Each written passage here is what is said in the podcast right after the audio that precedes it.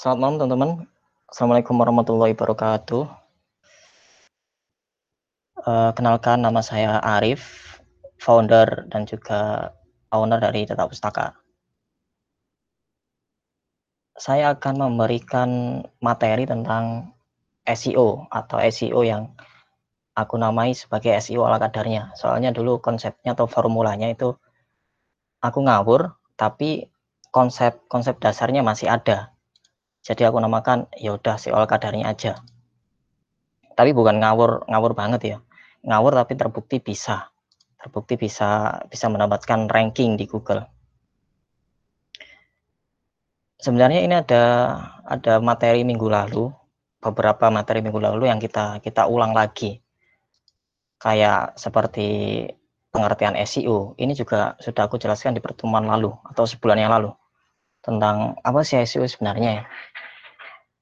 Secara prinsipal atau secara teori, SEO adalah upaya blogger atau penulis artikel agar artikel atau blognya bisa tembus di one mesin pencari.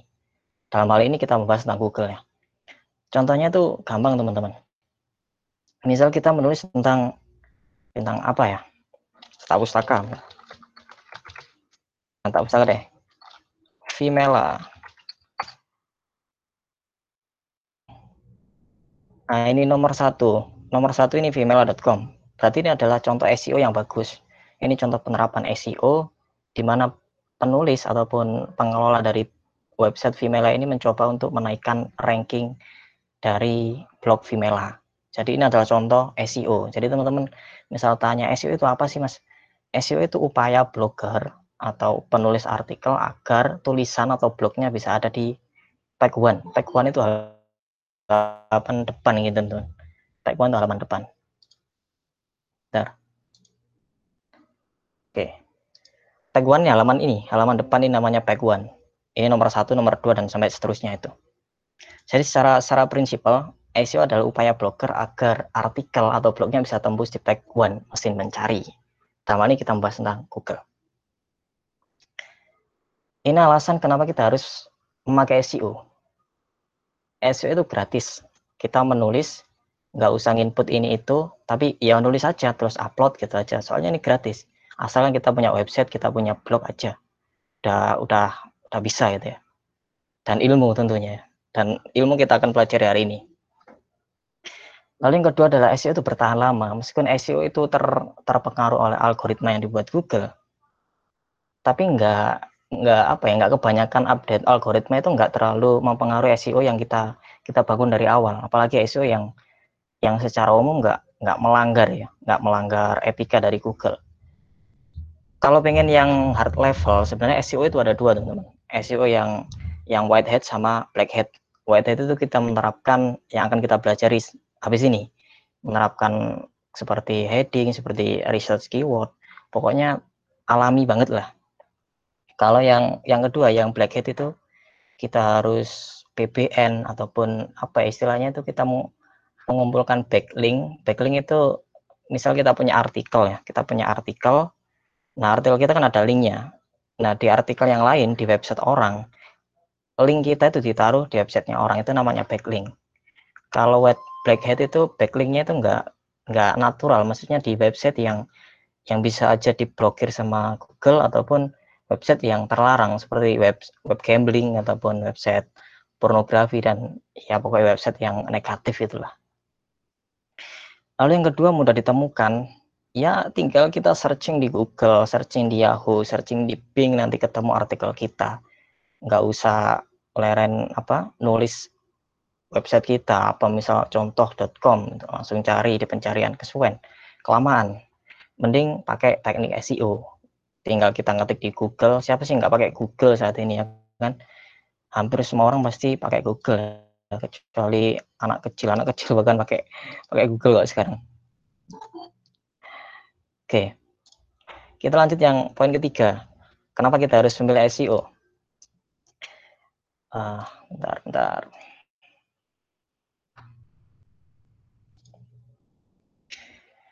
Alasan yang, yang ketiga dalam apa tadi? Mudah ditemukan? Udah ya? Berarti alasan yang keempat. Alasan keempat ini tidak gampang. SEO tidak gampang. Perlu latihan perlu apa ya perlu diulang-ulang. SEO itu bukan sesuatu yang sekali latihan langsung bisa. Nggak kayak gitu. Emang susah sih SEO tapi kita coba meringkas di kelas hari ini meringkas tentang kelas SEO ini kelas nulis blog. Pokoknya kalau aku yang handle teman-teman itu kelas nulis blog ya nanti kalau Mas Amin yang handle itu kelas nulis buku. Kalau khusus khusus aku itu nanti kelas nulis blog. Oke. Kita langsung ke penerapan. Contoh artikel SEO ini kayak ini keyword ya namanya. Nanti kita pelajari di bawah. Misalkan kata kunci yang akan kita bidik adalah cara membuat cerpen personal literatur. Coba kita tulis di Google ya ini udah udah aku tulis udah aku siapkan cara membuat cerpen personal literatur. Kita enter dulu aja. Nah, ini nomor satu ya. Punya data pustaka nomor satu, ini ada hybrid writer trainer, lalu ini, dan sampai sampai bawah ini. Nah, ini contoh penerapan SEO, teman-teman. Ini kata kuncinya, nanti kita pelajari di bawah. Dan ini artikelnya ada di halaman depan, nomor satu boleh. 128.000 ini saingannya teman-teman. Saingannya ada 128.000 pack atau 128.000 artikel di 10 pack. Ini bisa lanjut lanjut lanjut banyak lah pokoknya. Kayak gitu ya, secara secara umum kayak gitu. Jadi contohnya kayak gitu teman-teman. Contoh artikel SEO itu kayak gitu. Kita nulis sesuatu ada di halaman depan, nah itu, itu artikel SEO kalau mau mempelajari secara mandiri bisa aja pelajari artikel itu ini karakteristiknya gimana sih gitu. Kita kita bedah. Nanti kita bedah artikel yang itu ya. Nah ini ini contohnya. Kayak tadi yang aku searching ya. Nah ini pertanyaannya gimana sih caranya caranya agar artikel kita blog kita bisa jadi nomor satu dan konsisten berada di, no, di nomor satu Google. Gimana? Ini ada beberapa step, mungkin ada enam kali ya. Ada enam step yang akan aku bagikan. Yang pertama adalah kita menentukan keyword. Keyword itu kata kunci, kata kunci utama yang akan kamu tulis di dalam artikel. Ini kayak contoh, aku mengambil contoh review mouse Logitech. Ini adalah kata kuncinya ya kata kuncinya adalah review mouse Logitech. Ini diingat-ingat ya, nanti dibuat contoh sampai sampai akhir soalnya. Kita awal-awal ya, awal kita ketika kita menulis artikel, hal pertama yang harus kita pikirkan adalah review keyword. Kok review keyword? kita menentukan keyword. Menentukan keyword apa yang akan kita tulis.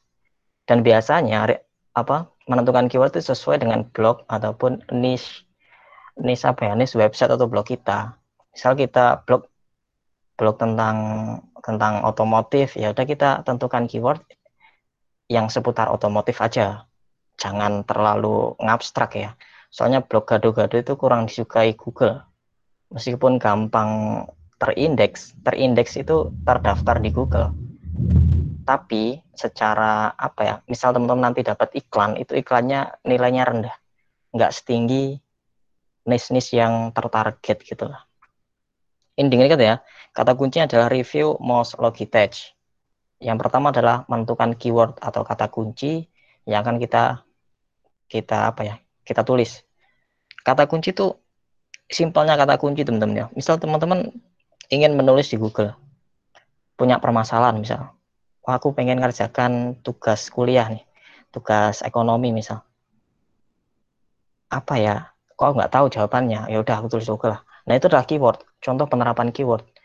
Apa yang kamu tulis di Google itu adalah keyword yang kamu pikirkan. Nah biasanya kalau di praktek SEO ala kadarnya riset yang aku lakukan itu bukan riset menggunakan Google Keyword Planner ataupun apa tapi riset secara manual. Maksudnya kita menganalogikan aja kira-kira aku punya permasalahan ini aku nulis apa ya yang aku tulis di Google itu apa Nah, ini contoh penerapan yang kedua atau step yang kedua tentang riset keyword. kayak gini. Contohnya tadi, kalian pengen yang manual ataupun pengen yang otomatis. Kalau otomatis, teman-teman bisa menggunakan upper suggest. Ini bisa dicari menggunakan aplikasi ini. Ini aplikasi yang yang lumayan bagus untuk meriset keyword. Untuk meriset keyword ini menggunakan aplikasi ini cukup bagus. Atau teman-teman bisa menggunakan Google Google Keyword Planner itu teman-teman harus apa ya punya akun iklan lah kayaknya ya tapi nggak harus sih biasanya aku pakai itu untuk research keyword yang ingin aku tulis biasanya di situ tapi kalau pengen mudah mending pakai manual aja ya kita punya permasalahan apa sesuai dengan kata kunci di awal tadi ketika kita menentukan kata kunci kita menulis apa itu kita catat itu kita catat Bentar. Nah, kayak gitu teman. Yang kedua adalah stepnya research keyword. Yang ketiga adalah menulis judul. Judul ini penting banget ya. Pentingnya ini penting banget. Keyword yang kamu tulis, kalau nggak nggak dicantumkan dalam judul juga nggak akan mempengaruhi apa pun. Semua artikel di depan di depan ini ini merupakan mengandalkan judul teman-teman meskipun nanti artikelnya kurang kurang bagus ya tapi kalau judulnya mantap sesuai dengan kaidah-kaidah yang diberikan Google ataupun kaidah-kaidah SEO ya tetap aja di depan. Hanya ini aja udah di depan. Ini aja udah di depan. Judul itu sangat penting.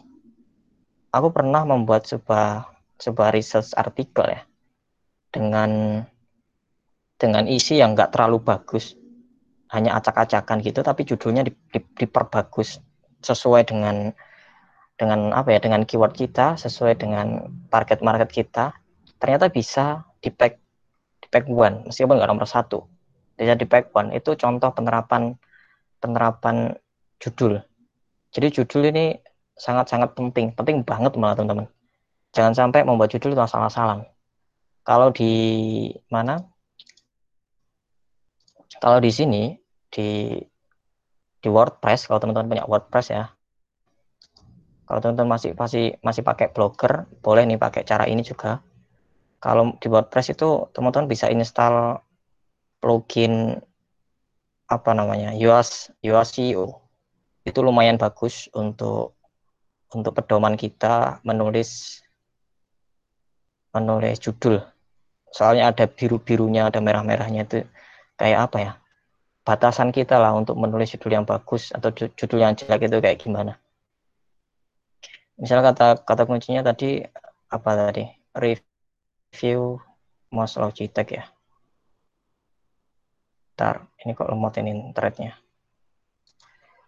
Nah ini kalau teman-teman pakai WordPress ini lebih mudah.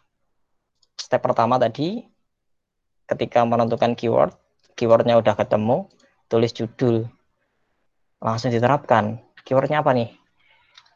Review mouse Logitech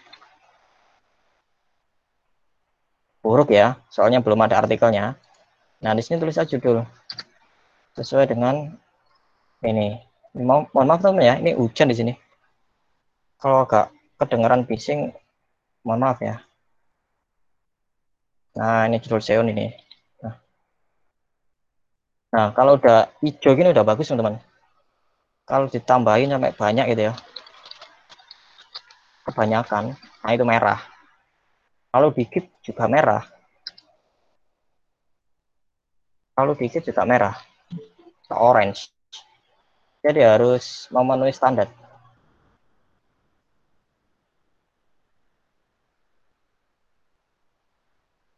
Oke. Nah, kayak gini. Jadi ketika kita menulis judul,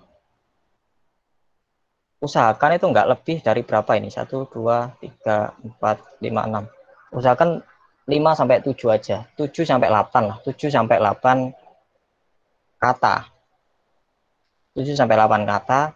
Bisa pakai angka ataupun hanya kata-kata aja. Itu terserah teman-teman. Kalau menurut apa aplikasi Yoasio ini teman-teman bisa pakai ini tujuh ya, tujuh, tujuh kombinasi kata. Itu yang bagus teman-teman. Oke, untuk judul ini ya.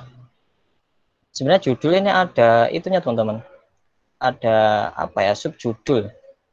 Tapi subjudul ini enggak terlalu enggak terlalu itu sih, enggak terlalu ditekankan untuk di WordPress ataupun di, di Blogger. Kita lebih sering memakai ini H1, H2, H3 gitu. Headline namanya. Nanti kita bahas di slide yang bawah. Yang step keempat, kita mulai menulis artikel. Nah, ini ketika kita menulis artikel, teman-teman ingat apa keyword yang akan kita tekankan di awal tadi. Di awal tadi sudah kita tekankan review most Logitech. Maka kita ketika nulis, ya jangan jauh-jauh dari review most Logitech. Usahakan tetap pada rambu-rambu review most Logitech. Kita nulisnya tentang apa gitu tentang most Logitech.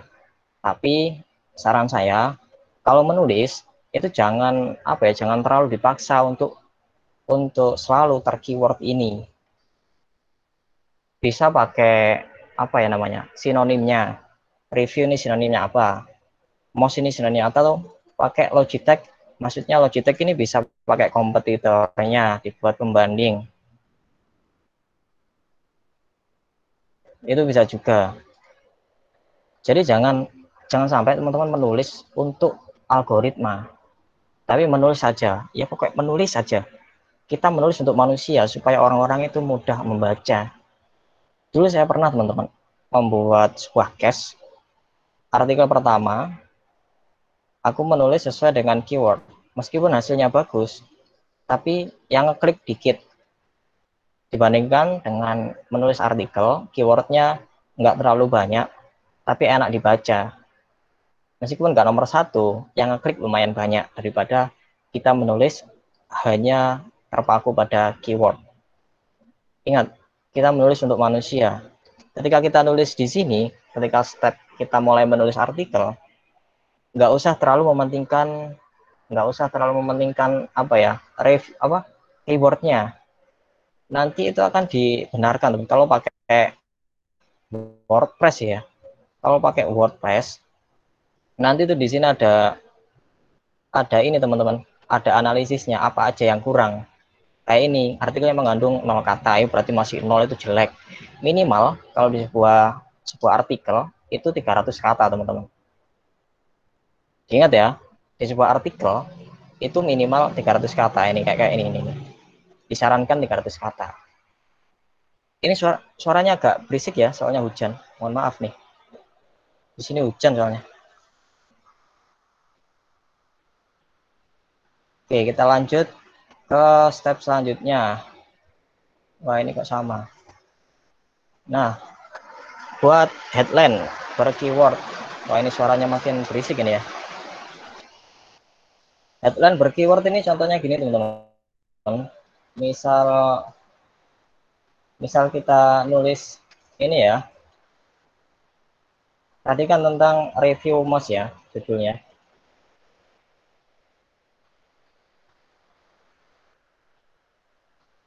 Tentang review mouse.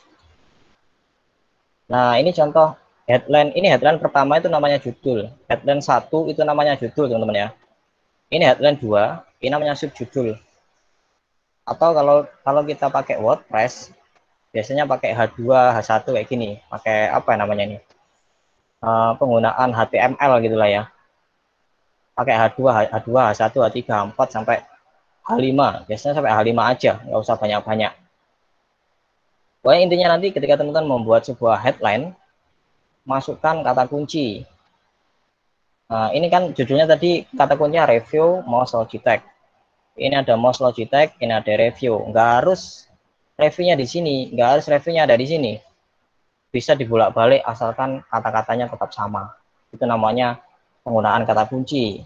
Jangan terpaku sama kata kunci utama ya. Soalnya jelek nanti hasilnya kalau terpaku.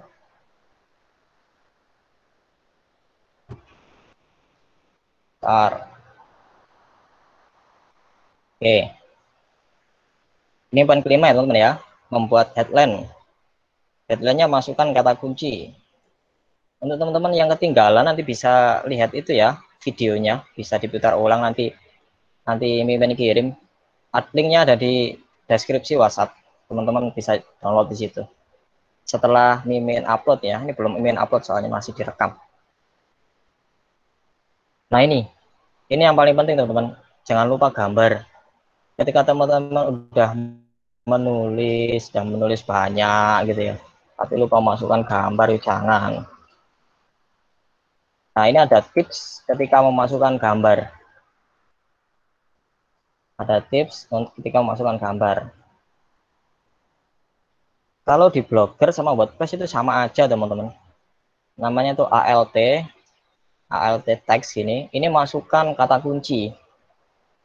alt text di blogger ada kok, ada. Ini jangan lupa masukkan kata kunci, biar bisa mengangkat artikelnya. Jadi gambarnya ini bisa mengangkat artikel, teman-teman. Jangan lupa masukkan kata kunci. Jadi nanti teman-teman tinggal masukkan aja tadi kata kunci yang tadi, atau masukkan judul aja nggak apa-apa. Taruh di center. Kayak gini. Secara secara simpelnya kayak gini teman jangan lupa gambar. Kalau nggak ada gambarnya kan nggak enak ya kalau dibaca gitu. Nah ini terakhir. Terakhir itu koreksi ya koreksi bentar aja yang tipe apa enggak gitu ya. Lalu dipublish. Setelah publish nah teman-teman bisa memasukkan link atau ke web apa namanya tadi? Webmaster tools. Ini ke Google ini teman. Google Web, Webmaster Tools atau apa sih namanya? Lupa kan Google iya Webmaster Tool bener. Teman-teman tinggal salin aja linknya ini lalu teman-teman enter aja di situ. Kita coba bedah artikel ini aja ya artikel yang tag one yang nomor satu ini. Di kata kunci cara membuat cerpen personal literatur dari beberapa beberapa apa namanya ini poin yang udah kita bahas tadi tentang keyword, riset keyword, tulis judul, mulai menulis, lalu ada headline, gambar dan juga publish. Kita coba cek tentang keywordnya. Kita klik dulu ya. Ini artikel tak pustaka. Nomor satu di kata kunci tadi. Ini udah teman-teman ya. Nanti teman-teman bisa pelajari di video yang akan dibagikan. Ini ini direkam kok. Direkam ya kayaknya. Oh ya direkam kok. Jadi nanti bisa teman-teman pelajari. Lihat judul sama yang awal tadi ternyata beda. Kenapa bisa begitu?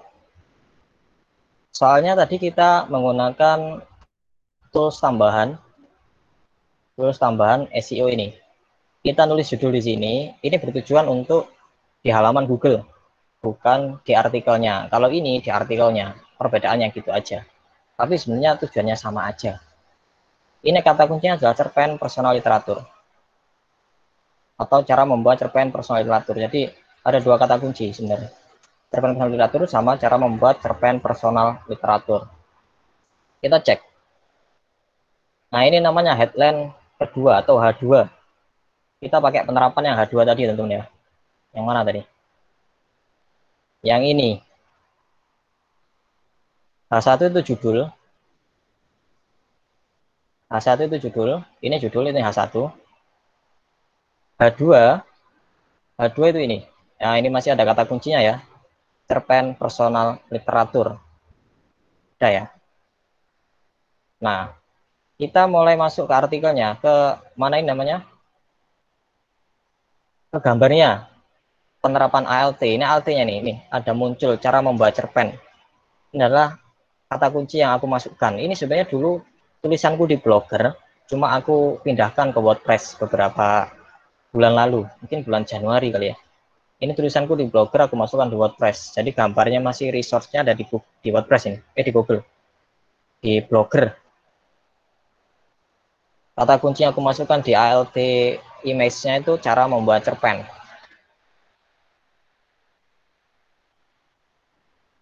Lalu kita lihat beberapa, nah ini poin-poinnya ini. Ini juga ini enggak poin itu ya, bukan H1, H2, H3, ini cuma aku buat aja. Nah, ini kan lebih dari 300 kata, teman-teman. Ini tulisan lebih dari, dari 300 kata, jadi cukup baik lah ya. Untuk penilaian dari iOS SEO, sebenarnya adalah orange. Artinya orange ya perlu perbaikan sedikit. Enggak biru. Kalau update dari iOS terbaru memang untuk biru itu susah banget, teman-teman. Susah banget. Teman-teman harus bikin kata pasif, kata aktif, kesuan gitu kelamaan ketika teman-teman nulis itu pasti nggak terpikir dong usah nulis saja gitu yang penting ada di peringkat awal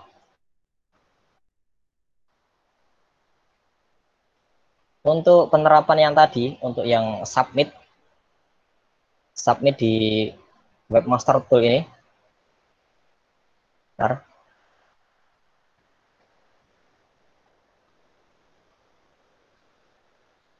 oh, submit di webmaster tool ini contohnya seperti ini teman-teman. Ini artikel ya kita copy aja. Teman-teman yang punya blog yang, yang punya blog dan website biar artikel cepat ke indeks kita copy aja.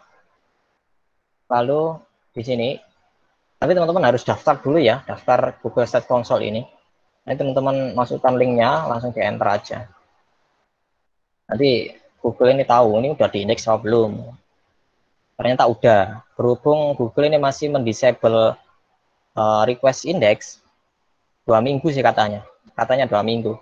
Jadi masih belum request index. Tapi ini udah terindeks ya teman. Udah ada tentang hijau ini namanya udah terindeks nah kayak gitu jadi simpelnya simpelnya untuk pembelajaran kelas pertemuan minggu ini SEO itu sebenarnya nggak nggak susah banget buat teman-teman yang penting kita tahu keyword apa yang akan kita tulis. Itu aja dulu, keyword apa yang kita tulis, dan analoginya gimana kita mencari keyword itu. Misal, seperti manual tadi kita bahas. Aku punya permasalahan ingin mencari mouse, misal. Aku pengen mencari mouse Logitech buat keperluan gaming. Kira-kira yang aku tulis apa ya nanti? Pasti review mouse Logitech merek apa gitu atau atau seri apa misal review mouse Logitech G 103 itu memang udah di pikiran kita nah itu coba atau istilahnya gini teman-teman coba ambil ambil proof atau point of view dari dari pembaca teman-teman mereka itu nulisnya apa? Dari kasus teman-teman memiliki studi kasus yang seperti itu. Aku pengen membeli mouse. Kira-kira yang aku tulis di Google apa ya? Nah kayak gitu. Itu contoh cara membuat atau cara riset keyword secara manual atau secara logika aja. Atau pakai aplikasi tambahan Suggest ini ini lebih nggak nggak terlalu powerful sih. Bayar juga ini. Dulu nggak bayar sekarang bayar nggak tahu ini Nel Patel. Pelit. Lalu yang yang ketiga kita review ulang ya. Menulis judul itu teman-teman harus perhatikan harus memasukkan keyword. Jangan sampai lupa meskipun keywordnya nggak selalu review mouse Logitech bisa dibolak-balik itu tetap bisa asalkan kata kunci utamanya masih teman-teman masukkan pokoknya jangan lupa masukkan kata kunci itu paling penting pokoknya kata kunci itu paling penting dimasukkan dalam judul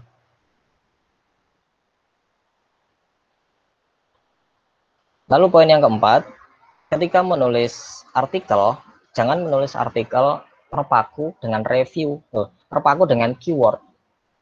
Jangan sampai terpaku dengan keyword. Ketika teman-teman nulis artikel, ya udah nulis aja. Intinya gitu aja, wes. Nulis aja. Yang penting nanti, yang penting, yang penting itu di sini. Judul H2, H3 sampai H4, H5 harus masukkan kata kunci atau keyword. Itu paling penting ketika nulis ya udah nulis aja lah nggak apa-apa nanti kalau perlu dimasukkan ya udah masukkan ketika kita mengkoreksi atau merevisi tulisan kita sendiri yang penting tulisan kita enak dibaca. Itu udah udah mantep banget ya. Sama itu ya teman-teman. Ini mungkin nggak disadari para blogger ya. Ketika menulis usahakan paragrafnya itu pendek-pendek. Nggak usah panjang kayak buat artikel ilmiah. Nggak ada yang baca nanti. Contohnya kayak gini. Nah cuma berapa kalimat ini? Dua. Nah ini cuma cuma dua juga. Ini cuma dua satu. Jadi nggak usah panjang-panjang membuat paragrafnya. Cukup satu dua tiga enter. Satu dua tiga enter. Satu enter gitu aja. Nggak usah banyak-banyak ketika menulis artikel. Lalu poin yang kelima udah kita bahas tadi ya. Jangan lupa untuk judul masukkan keyword. H2 masukkan keyword. H3 masukkan keyword. Intinya keyword itu penting banget untuk dimasukkan. Jangan sampai nggak dimasukkan. Soalnya kita membahas tentang artikel yang SEO atau Search Engine Optimization, maka kita bicara tentang keyword. Keyword itu segalanya lah untuk SEO itu ya. Dan untuk gambar ini gambar usahakan, ini saran dari aku ya, usahakan gambarnya itu ukurannya kecil banget teman-teman. Kalau bisa di bawah 100 KB. Jangan sampai upload gambar 2 MB, 4 MB, lemot nanti websitenya. Kalau bisa di bawah 100 KB kalau bisa lagi ya di bawah 50 KB itu lebih bagus. Selain mempercepat web, itu juga bisa memperbagus apa ya citra citra website teman-teman di mata Google. Bagus pasti. Dan yang terakhir tadi mengkoreksi jelas ya. Koreksi nanti kita bisa mereview ulang, bisa memasukkan keyword di mana mungkin kita lupa ataupun mungkin wah ini paragraf ini nggak ada keywordnya sama sekali udah kita masukkan dengan mengotak-atik kata-katanya biar enak dibaca gitu. Lalu yang terakhir adalah webmaster tool yang udah kita bahas tadi. Nah ini kita masukkan keywordnya di sini, kita masukkan linknya, kita masukkan linknya. Ketika teman-teman udah membuat postingan, dan teman-teman terbitkan, lalu link yang udah teman-teman terbitkan tadi, ini link ini, ini, teman-teman copy taruh di sini. Nah, kalau posisinya udah centang biru gini, centang hijau gini, berarti udah terindeks. Kalau belum, berarti belum. Harus sabar ya, soalnya Google masih ada update, nggak bisa request index. Jadi kesimpulannya, kesimpulannya, menulis SEO itu nggak nggak gampang ya, nggak gampang dan juga nggak nggak sulit. Sedengan, tengah-tengah. Intinya kita harus tahu keyword, tahu analogi pencariannya, gambarnya harus kecil, dan materi penulisannya harus pas. Paragrafnya jangan sampai dikit-dikit, eh jangan sampai banyak-banyak. Usahakan dua kalimat enter, tiga kalimat enter, satu kalimat enter. Kalau panjang banget satu kalimat aja. Koma, tata-tata, enter gitu aja. Nggak usah panjang-panjang. Nanti jadi artikel ilmiah. nggak cocok. Google nggak suka artikel ilmiah. Ya. Jadi kesimpulannya hari ini, di kelas hari ini, membuat artikel SEO kuncinya adalah mengetahui keyword. Kuncinya itu sebenarnya, mengetahui keyword. Research keyword ini adalah turunannya ya, ketika kita udah tahu keyword ya kita research keyword. Kalau kita udah tahu keyword ya kita bisa nulis judul. Atau kalau kita tahu keyword ya kita bisa menulis artikel. Soalnya keyword itu segalanya. Menulis artikel, khususnya artikel SEO, itu keyword segalanya teman-teman ya. Ini bisa diterapkan ketika teman-teman membuat freelance menulis artikel. Banyak loh freelance artikel yang harganya lumayan mahal. Ada yang satu artikel 300 kata harganya 15.000, 20.000 gitu. Banyak. Biasanya aku ditawarin gitu. Buat apa? Tapi ya lumayan juga ya kalau malas nulis itu pakai jasa-jasa orang-orang kayak gitu. Hasilnya juga bagus-bagus. Mungkin kelas hari ini cukup cukup sampai di sini aja teman-teman. Kalau teman-teman ada pertanyaan, silakan bertanya. Mumpung masih jam jam 8, ini hujan di sini jadi enggak enggak apa ya, kurang kurang jelas suara aku tadi. Silakan bertanya teman-teman. Presentasinya cukup sampai di sini aja. Yuk bertanya yuk. Ini nanti filenya aku kirim di itu ya, di link yang ada di deskripsi WhatsApp dan juga di Telegram teman-teman bisa download.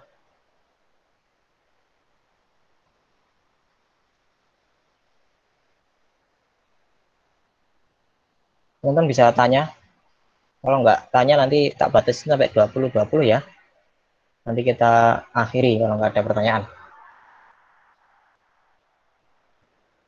Aku kasih waktu 10 menit